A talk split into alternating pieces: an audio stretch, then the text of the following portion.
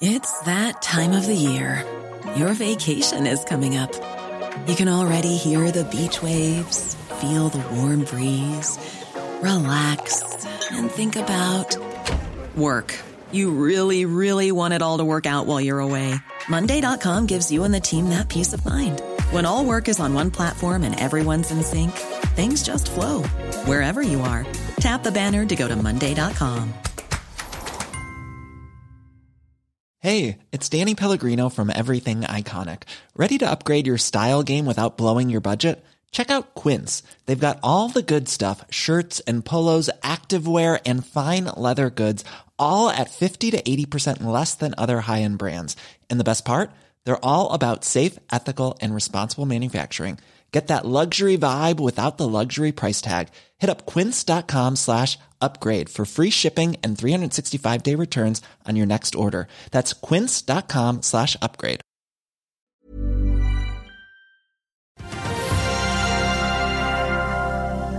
Et brasiliansk oljeselskap vil på Oslo Børs. Vår Energi tar et nytt tapp på Balder. Og det er ikke bare Spotify, men også Schibsted som ser ut til å nedbemanne nå.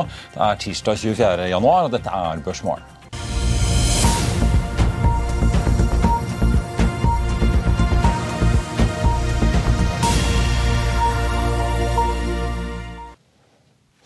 Riktig god morgen alle sammen, og velkommen til oss her i Finansavisen og Børsmorgen. Mitt navn er Marius Lundsen, og med meg har jeg aksjekommentator Karl Johan eh, Målnes. Vi får straks med oss DNB Markets aksjestrateg Paul Harper. Men først må vi titte litt på markedet og noen av nyhetene som har preget eh, morgenen så langt som det er verdt å få med seg. På Wall Street i går så, så det riktig så hyggelig ut. Dow Jones-indeksen endte opp nest, ja, litt over tre kvart. SMP 500 opp nesten 1,2% og var igjen da over 4000 poeng igjen for første gang på en måneds tid. Derimot, det det derimot var ordentlig fart i, var Nasdaq-indeksen endte opp så vidt over 2% og det var for øvrig bare energi som var sektoren som ikke ikke steg på SMP 500 i går, så en relativt bred oppgang. I Asia i natt og i morgentimene så har det vært følge preget av kinesisk nyttår, for de kinesiske børsene holder fortsatt eh, stengt. De som holdt eh, åpent, eh, tikket oppover, får vi jo si, godt hjulpet av den gode stemningen på Wall Street fra i går kveld. Nikkei-indeksen i Japan endte dagen opp halvannen prosent. Og så har vi Oslo Børstad. Der venter DNB Markets at vi starter opp 0,1% i dag, mens Nordnetts Roger Berntsen ligger inne med et estimat på 0,2, med en oljepris som er litt ned, 0,2% til 87,90, men fortsatt et relativt høyt nivå.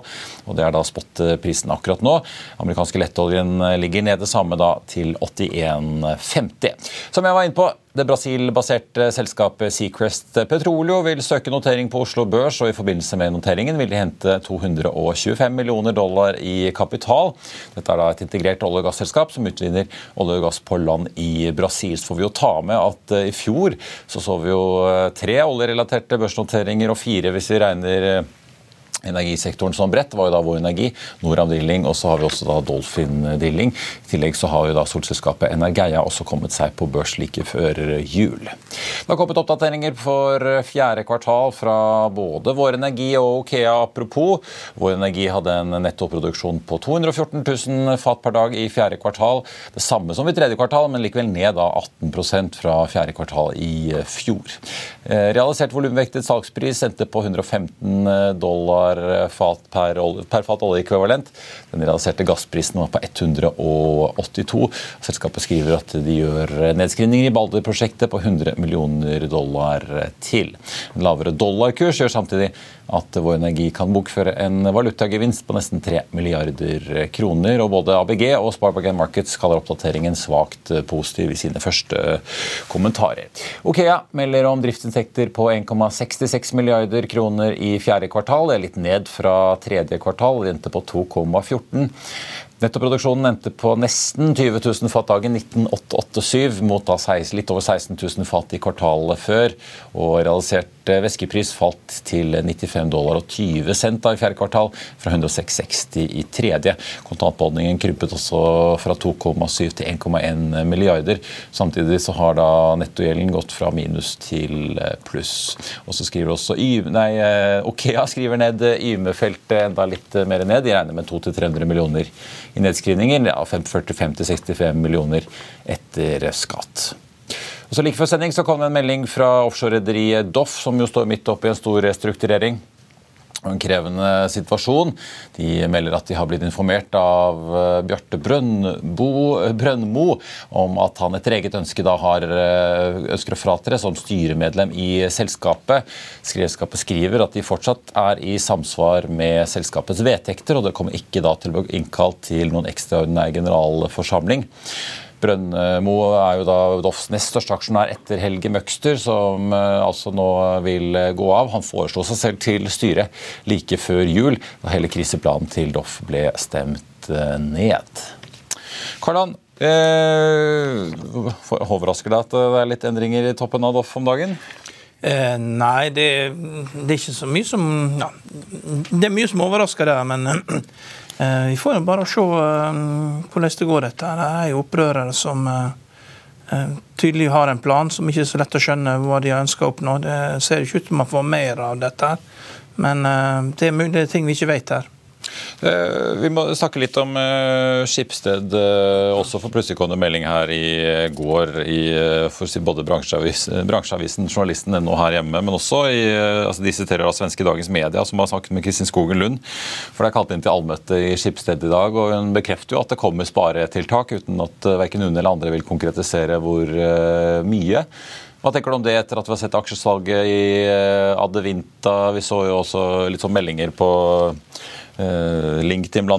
at eh, de skulle legge ned dette manusselskapet som eh, driver innenfor digital annonsering her tidligere i år? Ja, Det er jo en syklisk virksomhet. og Finanssjefen har jo nettopp gått av, så jeg regner med det at han så hva som kom. og ikke hadde lyst til å ta løs på den oppgaven med det kostnadskuttet som kom. For det, ja, det er vel De er jo i annonsemarkedet, og det er i holder ikke på å prøve å selge til Lendo også, som ikke har gått igjennom. Så det er, vel, det, det er mange ting som sikkert går syklisk ut utfor. og det, det, er jo en aksje som har svingt noe helt utrolig de siste 20 årene når det har vært nedgang. da Det har jo hatt liksom 90% fall, og så opp igjen tigangen. Så det er jo ikke noe nytt at aksjen svinger. Det virker som at, det virker som at det, den går fra å være betegnet som en supervekstaksje i oppgangstider. Og så er det noen som skjønner men hei, ikke sant, dette her er jo ikke noe mer enn en syklisk mediaselskap.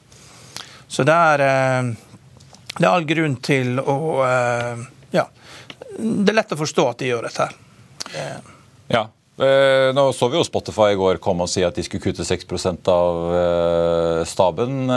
Så det er, dette er ikke noe som bare rammer Silicon Valley? Nei, Det er tommefingerregelen. Det virker at man tar 6% Jeg vet ikke hvorfor det har blitt sånn. Det er bare Elon Musk som kutter mellom 50 og 75% Ja, han, han tok litt mer saftig. Ja. Ja, Alphabet, Google tok også 6% Microsoft litt under 5 men klart, et, selskap... Det virker som de tar unna de de egentlig ansatte kanskje på vei eh, under pandemien, da det var voldsom oppgang i mange av disse bedriftene? Google lever jo av søk, ikke sant? og så har de masse andre aktiviteter som ikke er kjerneaktiviteter. Så det, dess mer suksess det er i kjernevirksomheten din, dess lettere er jo å kutte rundt dette. her, og Skipsted har vel en rekke aktiviteter som der ikke er eh, must have. da. Ja.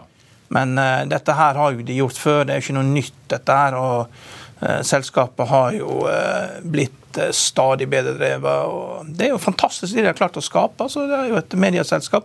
De få gamle medieselskap som har klart å skape en online-virksomhet, ikke bare i Norge, men også i andre land. og Du kan lete jorden rundt etter lignende suksesser.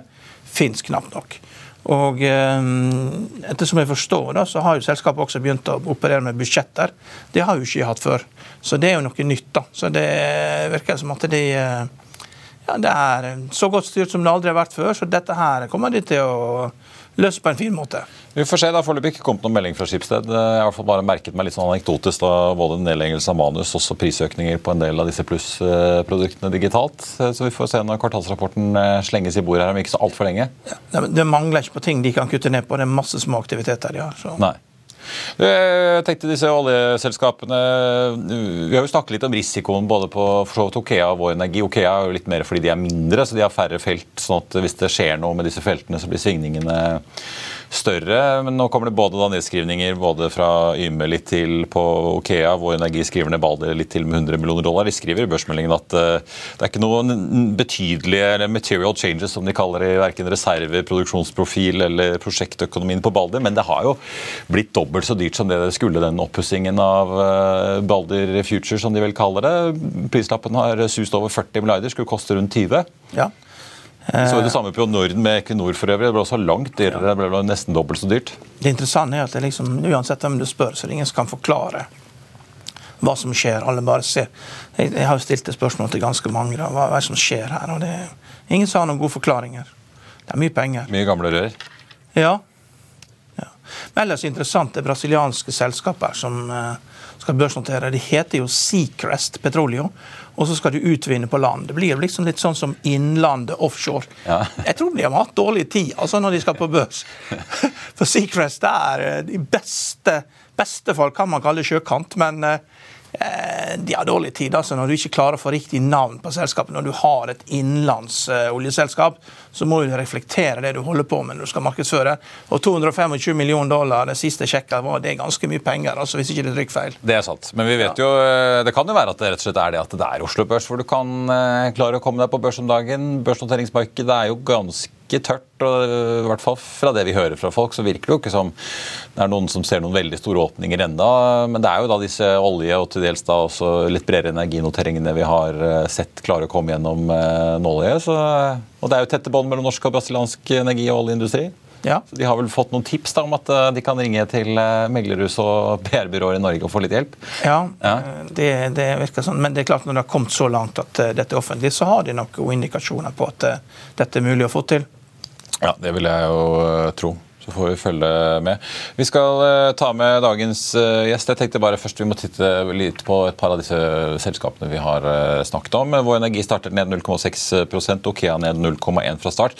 Doff starter ned 15% på nyheten da om at Bjarte Brøndmo varsla at han vil gå av fra styret etter at han ba om en styreplass rett før jul. Hovedveksten starter opp 0,6% En annen aksje som vi kan notere oss, er Hexagon, som melder om to nye ordre. Den ene har en verdi på nesten 5 millioner dollar for levering av eh, Mobile Pipeline Titan-moduler. Den andre har en verdi på 4,5 og gjelder det samme. Eh, den aksjen er opp litt halvannen prosent i dag. Og så har vi jo PGS som eh, også har ja, ned 2,4 i dag. Har jo hatt ganske mye fart i, den, i det siste, i hvert fall. Equinor har utøvd en opsjon for å forlenge en rammeavtale med PGS da, som ble inngått i mars 2021 med to nye år. Vi skal få med oss Paul Harper og er tilbake rett etter dette. Vil du bli oppdatert på det viktigste som har skjedd innen finans og næringsliv? Da er det bare å følge med, for hver morgen er jeg, Marius Lorentzen og aksjekommentator Karl Johan Malnes på plass i studio for å ta tempen på dagens marked i Børsmorgen. Og hver ettermiddag oppsummerer vi alt du trenger å vite i økonominyhetene, og det blir selvfølgelig masse interessante gjester. Klikk deg inn på fa.no-tv, eller søk opp Børsmorgen og Økonominyhetene der du hører på podkast.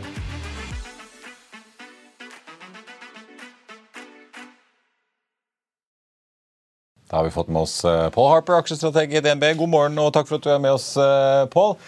Kanskje vi skal begynne litt med disse oljeaksjene som eh, jo har vært relativt hot. Nå ser vi at det ser ut som det kommer en ny aktør inn, eller som har lyst til å hvert fall komme seg inn på Oslo Børs. Vi har også oppdateringer fra Okea og Vår Energi. Hvordan ser dere litt sånn bredere på sektoren om dagen, egentlig?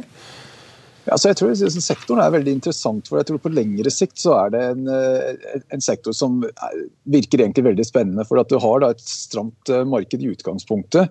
Og så har du denne Kina-reåpning som eh, da kommer til å sørge for at du får en god del bedre etterspørsel etter hvert. I tillegg så har du ikke det lagerslippet fra USA som holdt på gjennom høsten i fjor. Så liksom Deltaen på eh, tilbuds- og etterspørselsbalansen er jo egentlig relativt bra i utgangspunktet. Og Så er det spørsmål da til hvilken grad en eh, eventuelt resesjon trekker ned på etterspørselen igjen. Men det, det, er ikke sånn at det nødvendigvis eh, faller kanskje like mye som det pleier å gjøre i en, i en dårlig periode. Um, nettopp fordi at du har den dynamikken mellom Kina og, og lagerslipp og også lavere produksjon i Russland etter hvert. Men så hvis du er villig til å se liksom litt lenger frem i tid, liksom på vei ut av en eventuelt soft patch, så tror jeg det er eh, gode odds for at det da blir eh, knapphet på olje nå i, i flere år fremover. Da har vi jo sett en voldsom inntjening i disse selskapene. Okea ble jo plutselig gjeldsfritt eh, i løpet av pandemien og når de fikk den prisoppturen. Samtidig ser vi jo med disse nedskrivningene hvor viktig det er med god gjennomføring på prosjekter. I porteføljen deres så har dere jo ikke disse, altså ikke Okea vår, men dere ligger inne med, med Aker BP? Ja, så Vi har Aker BP og, og Equinor. Eh, Tanken der er at uh, Equinor blir jo såpass stor i indeks, og selv når vi har det i porteføljen, så blir det en, en undervekt. Aker BP har vi istedenfor eh, vår eh, fordi at vi heller vil ha oljeeksponering enn gasseksponering. Så, så Gassprisen har vært eh, veldig svak nå.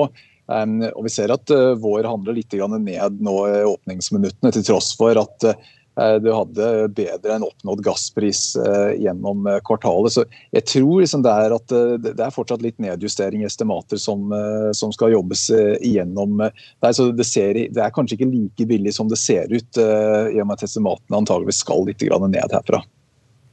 Det er jo en, eh, eller får vi si, Vår Energis første kapitalmarkedsdag, som ikke er så veldig langt unna. Den kommer riktignok litt etter Equinors, da, men eh, den første siden de kom eh, på børs. Så det er vel mange som følger med hva konsernsjef Torgeir Rød sier om bl.a. Balder-prosjektet og andre planer. Det, har. snakke om. Det, er, det, har ikke gått helt etter planen, kan man si. Ja. Du, eh, jeg tenkte ellers, Dere sitter jo inne med bl.a. Subsea 7. Eh, Stolt-Nielsen er jo ikke akkurat inne i olje, det blir jo litt på eh, siden. Men eh, sånn oljeservice, da, hvorfor ikke Aker Solutions og noen av disse andre serviceselskapene? Ja, altså det, det, går jo litt på anbefalinger vi har uh, i, på huset her. At vi har uh, kjøp på Subsea 7 og hold på, på Aker Solutions. Men uh, tanken er egentlig det at vi, vi, foretrekker egentlig litt mer oil service enn en INP. Um, men dette går liksom litt sånn i forhold til vektene på, på indeksen. Så den sammensetningen vi har nå, så er vi egentlig litt undervektet i INP og litt overvektet i oil service da med å ha to selskap innenfor oljeproduksjon og én innenfor oil service. For det er nettopp det dere har vært litt inne på allerede. at nå er stort sett eh, overraskelse når det gjelder eh, kostnader. At det heller er dyrere enn antatt eh, heller enn billigere. Så alle serviceselskapene nå har egentlig for første gang på egentlig ti år hatt, har de nå pricing power.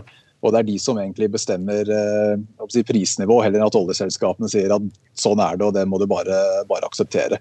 Så jeg tror Oil Service er i en situasjon nå hvor liksom marginene kan trekke oppover etter hvert, mens eh, oljeselskapene da heller må, må, begynne å svelge unna litt eh, større kostnader. og Det blir kanskje litt mer sånn som det var mot uh, sånn 2006-2007, hvor det var Oil Service-selskapene som egentlig fikk mesteparten av gleden av den oljeprisoppgangen.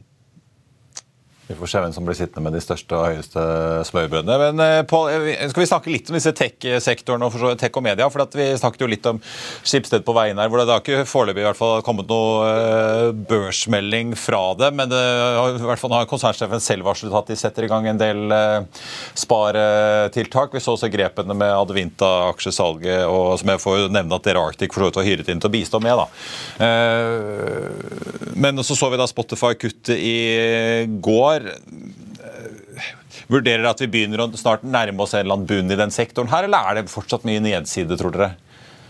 Altså, jeg vil si at jeg er litt, litt tvilende på, på, lengre sikt, men det er klart det siste året så har sektoren blitt veldig preget av renteoppgangen. og Mest sannsynlig så skal ikke renter mye opp nå på kort sikt, kanskje heller litt, eh, litt ned. så Du får ikke den samme motvinden som de har hatt. så da er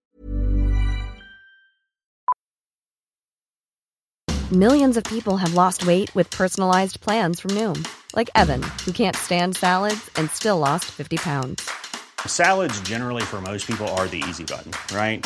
For me, that wasn't an option. I never really was a salad guy. That's just not who I am. But Noom worked for me. Get your personalized plan today at Noom.com. Real Noom user compensated to provide their story.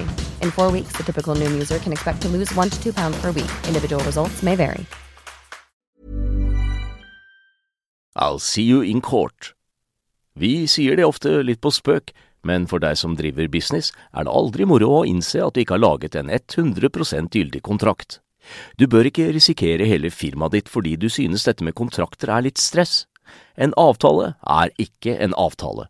Du kan miste kunder, miste venner, ja, til og med miste inntekter om du ikke lager en skikkelig kontrakt, på alt mulig, egentlig. Men vi vet det er et styr kopimaskiner, tregprinter og haugevis av papir. Dessuten stoler vi jo på folk her i landet. Det er ofte litt kleint å skulle be om en signatur for alt mulig, ja, for mye av styret handler også om jakten på underskriften. Det finnes en enkel måte å løse dette på, Dukkobit. En trygg, effektiv og get this, gratis måte å sikre seg en god natts søvn pluss en juridisk bindende avtale. Dukkobit-appen har de strengeste sikkerhetskrav i bunn, samt en EU-godkjent og sertifisert teknologi. Framover vil det bli behagelig å spørre du, skal vi skrive under på det, eller? Kom i gang på dukkobit.no. Det er ikke rart at eh, det er enkelte som prøver å, å time en inngang der. og, Hvis vi ser det på Skipsted sånn rent teknisk, så syns jeg egentlig det er en av de mer bullish-chartene å finne på, på Oslo Børs akkurat nå. Og vi ser på utviklingen i USA i går, da så var det stort sett tech som gjorde det best. Men en, en blanding, kan du si. altså Det FANG-aksjene, som er litt mer sånn kvalitetstech. Men også da en del av de de lavkvalitetsselskapene. Den non-profitable tech-indeksen f.eks. var uh, mye oppe i går også. Så jeg tror det er en liksom kombinasjon kan du si, av at uh, akkurat nå på kort sikt så er det kanskje litt for mange som er uh, på den negative foten. og Når det begynner å liksom, bryte opp på tekniske nivåer, så skal de ha si, mest mulig beta per dollar. Så da kjøper de en del dårlig lavkvalitetsselskap og dekker inn shorter.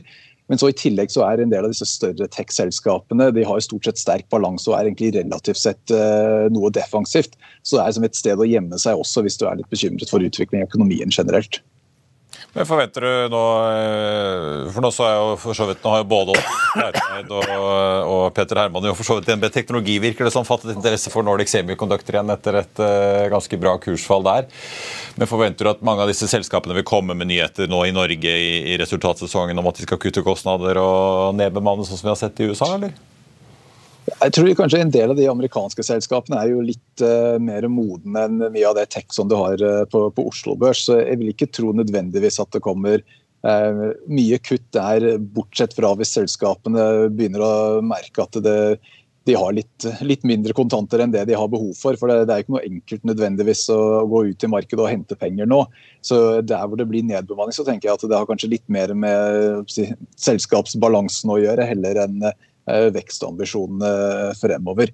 Men det er klart, jeg tror man skal holde seg unna, eller i hvert fall være veldig forsiktig med lavkvalitets tech-selskap. For det hjelper ikke all verden som rente kommer litt ned, hvis du ikke klarer å få den nødvendige refinansieringen som, som trengs. Så, så, jeg mener man skal holde seg til kvalitetsselskap innenfor tech-segmentet.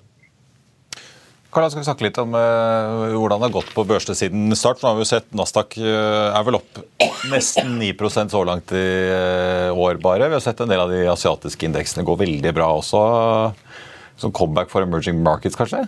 Mm, litt tidlig. Det, det, er klart Kina er jo 30% av emerging markets, så det har vært det Santa Claus Rally som vi skulle hatt i desember, det kom i januar. og Det var mye tax loss selling på slutten av året. og det er jo interessant å se en aksje som Tesla, som går ned med 50% på slutten av eh, året i fjor. og på, på passelig gode og dårlige nyheter. og så når, når de kutter prisene på Modell Y med 30% så går aksjen opp med 50% på tross av at det helt klart da vil ramme marginene. Så det blir jo veldig spennende. Tesla er jo en viktig aksje.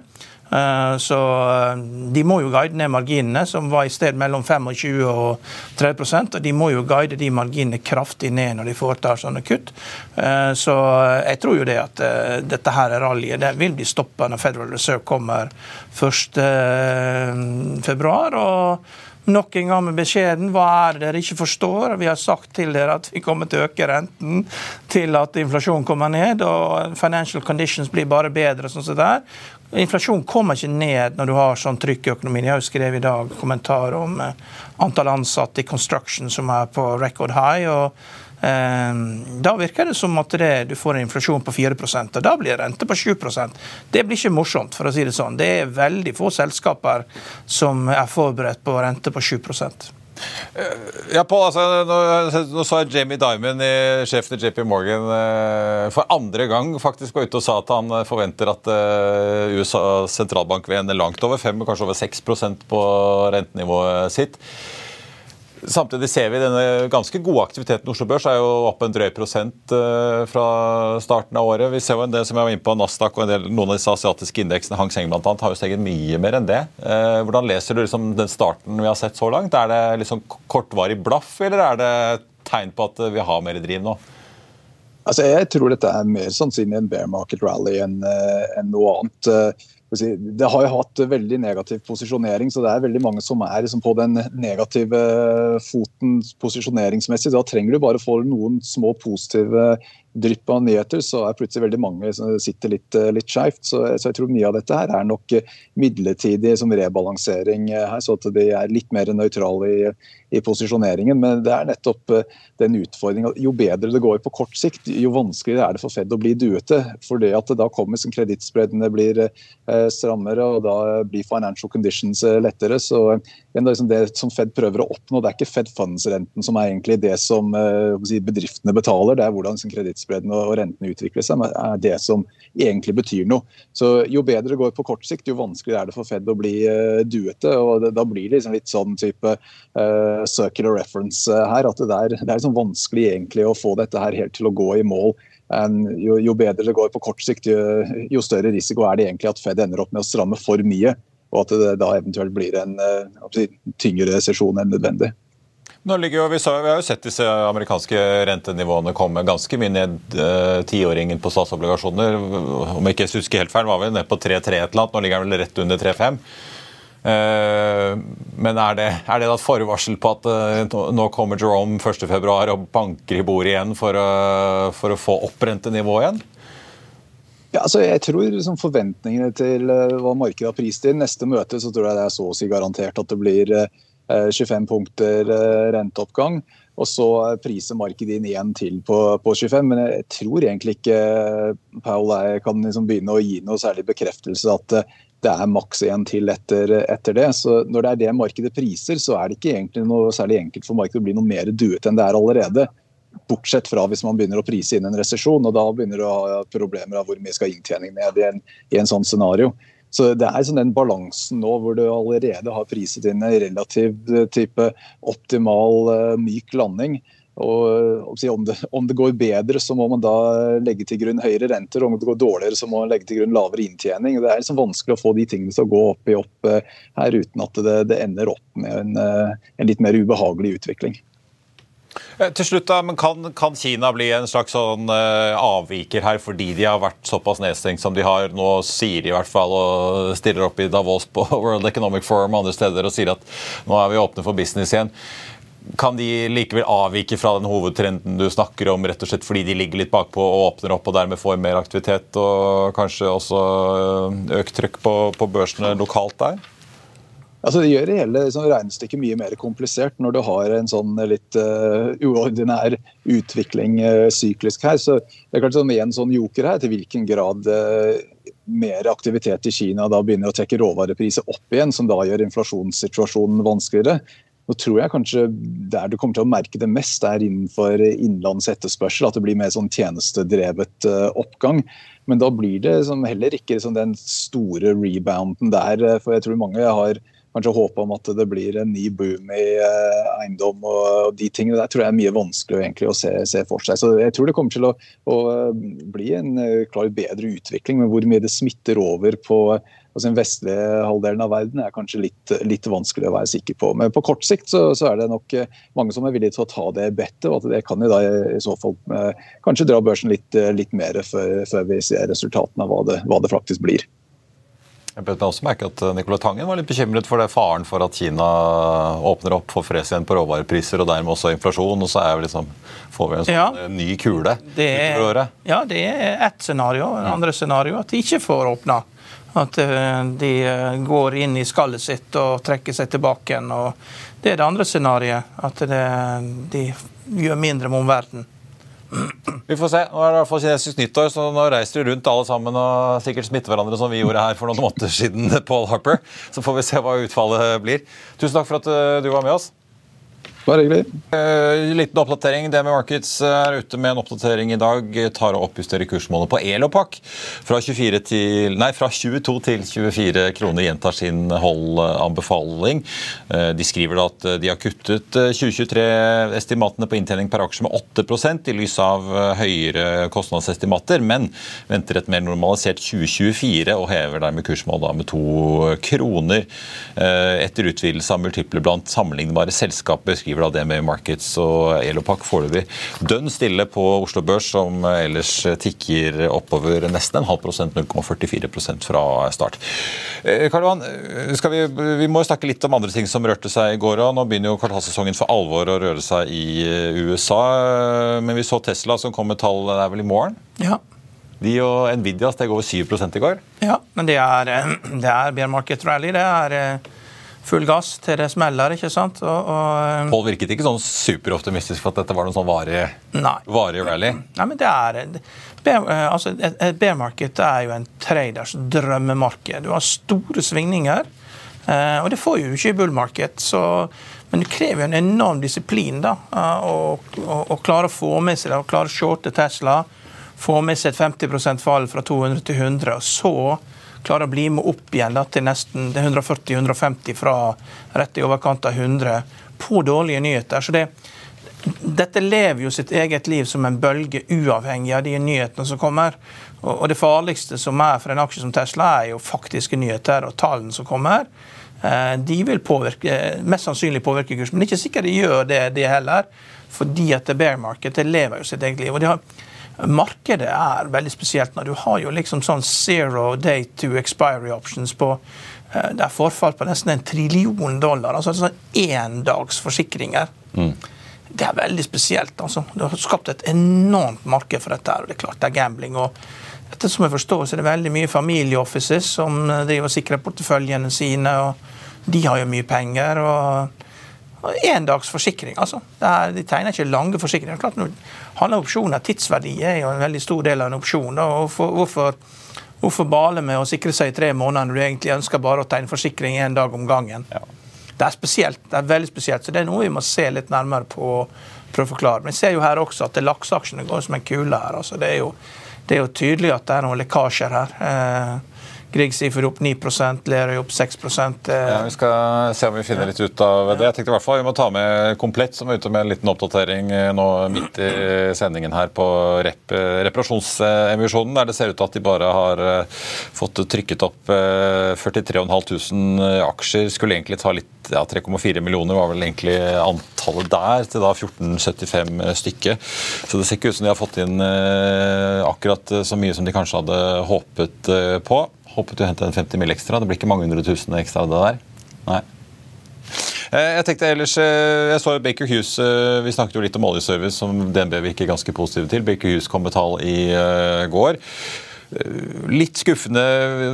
Økte ikke så mye inntjeningen som var ventet. De endte på en eh, resultat på aksje på 38 cent. Var ventet 41, men det var jo opp fra 25 eh, året før. Jeg merket meg likevel rekordordreinngang på 8 milliarder dollar, opp da 20% år for år. Opp litt over 30 fra eh, tredje kvartal. Og som Pål var inne på, de skriver også vi ser fortsatt marginforbedring og tegn til at eh, det blir ikke noe mye ekstra kapasitet i bransjen med det første. Det virker som utsiktene der, eh, også fra Baker Hughes, er positive? da? Ja, men Det er en bransje som har hatt det vondt ganske lenge, så det er greit at det blir litt gode tider der også. Til seks magre år så kommer seks ja, gode, kanskje? Syv gode, ja. får vi håpe på. Ja. Veldig eh, bra. Ellers, SEB har regnet litt på Yara-aksjen og tar kursmålet ned da fra 700 til 580. Gjentar likevel en kjøpsanbefaling. SEB skriver at de forventer at Yara vil imponere med sin evne til å levere sterke tall i volatile markeder og dra nytte av sin fleksible forretningsmodell. Og så har de også da byttet analytiker, får vi ta med. De som husker tilbake til fjoråret og si høsten 21, da gassprisen begynte å skyte i været. Husker jo at Yara var ganske åpenbart bekymret for det. Eh, og konsekvensen av det ikke bare for dem selv og industrien, men også får vi si, matproduksjonen her i verden. Det viser seg jo likevel at Yara får vi si, imponerende nok klarte å tydeligvis øke prisene sine ut i markedet. For de leverte jo da svært gode resultater selv med skyhøye gasspriser, og da anlegg som måtte stenges eller eh, kuttes ned på produksjonsmessig. Ellers på tampen så tenkte jeg altså vi bare må ta med at uh, kvartalssesongen fortsetter med full full styrke i dag. Vi får tall fra USA bl.a. 3M, General Electric, Microsoft, da, Texas Instruments og Verizon. Her eh, hjemme så har vi også på morgenkvisten i dag fått litt uh, nyheter på Kahoot. ABG nedjusterer kursmålet sitt fra 35 til 27. Gjentar sin kjøpsanbefaling likevel.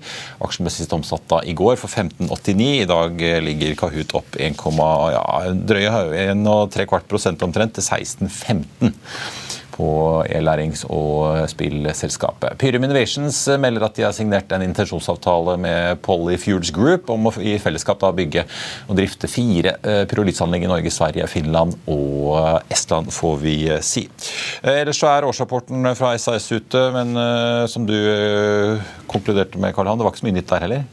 Nei, og jeg ser de som skriver om det, de fokuserer på lønn til, eh, til eh, administrerende direktør og konsernsjefen, og den er jo heller ikke forandra. Det er en veldig flott rapport, eh, glossy paper, og gjentar alle, alle tingene vi vet fra før om at dette tar tid, og det blir dyrt, og de må gjennomføre kostnadskutt. og ja. Ja, men det var 2025, innen 2025-2026 det skulle disse kostnadskuttene skulle være gjennomført. Så det er jo tid, da. Det, det, det, det er ikke umiddelbart, liksom. Nei. Og Det inn, fortsetter å renne inn meldinger om eh, nedbemanninger. får vi si. Dagens Næringsliv melder nå at uh, Telenor Norge skal kutte 200 stillinger. Det tilsvarer Gjett hvilket prosenttall? Det er ikke godt å vite. men... 6% jo, men, men eh, hovedkontoret er vi jo nede på 250 ansatte. er ikke det da, fra 1000 eller 1250? Jo da, Telenor har i år etter år etter år liksom ja. og trutt. da. Men uh, nå tar uh, Birgitte Engebretsen litt til, nye Norgesjefen. Ja. Mm. Veldig bra, Karl Johan. Eh, Oslo Børs ligger nå opp 0,4 eh, får vi si, som litt bedre enn det som var eh, varslet fra før. Vår Energi og Okea som er ute med produksjonsoppdateringer i dag, begge ned, men eh, Vår Energi ned bare en snau prosent, Okea ned 2,1% Så er det jo da Doff, hvor eh, Bjarte Brøndmo da har varslet at han ønsker å tre av fra styret. Den aksjen er ned 12,7% nå. Der vet vi jo at de sliter med å få på plass da den Eh, restruktureringsplanen som kreditorene egentlig hadde gått med på, men som da Eh, Brøndmo og de andre klarte å da få stemt ned. Og Så er det Skipsted, hvor eh, det er allmøte i dag og en varslet eh, lansering av sparetiltak. B-aksjen i hvert fall ligger opp 0,8% nå fra start. Adevinta, som jo Skipsted eier en fortsatt en stor post av, får vi si, opp 1,2% nå fra start. Og Det var børsmålen for denne tirsdag 24.1. Husk å få med deg økonominyhetene klokken 14.30. I formiddag tikker det inn PMI-tall for januar i Europa, og klokken 15.45 kommer de amerikanske.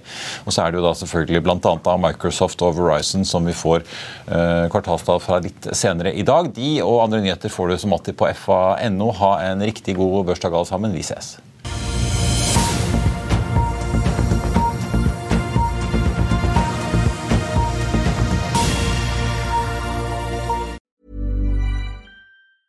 Planning for your next trip? Elevate your travel style with Quince. Quince has all the jet setting essentials you'll want for your next getaway, like European linen, premium luggage options, buttery soft Italian leather bags, and so much more. And it's all priced at 50 to 80% less than similar brands. Plus, Quince only works with factories that use safe and ethical manufacturing practices. Pack your bags with high-quality essentials you'll be wearing for vacations to come with Quince. Go to quince.com slash trip for free shipping and 365-day returns. Hi, I'm Daniel, founder of Pretty Litter. Cats and cat owners deserve better than any old-fashioned litter. That's why I teamed up with scientists and veterinarians to create Pretty Litter. Its innovative crystal formula has superior odor control and weighs up to 80% less than clay litter. Pretty Litter even monitors health by changing colors to help detect early signs of potential illness. It's the world's smartest kitty litter.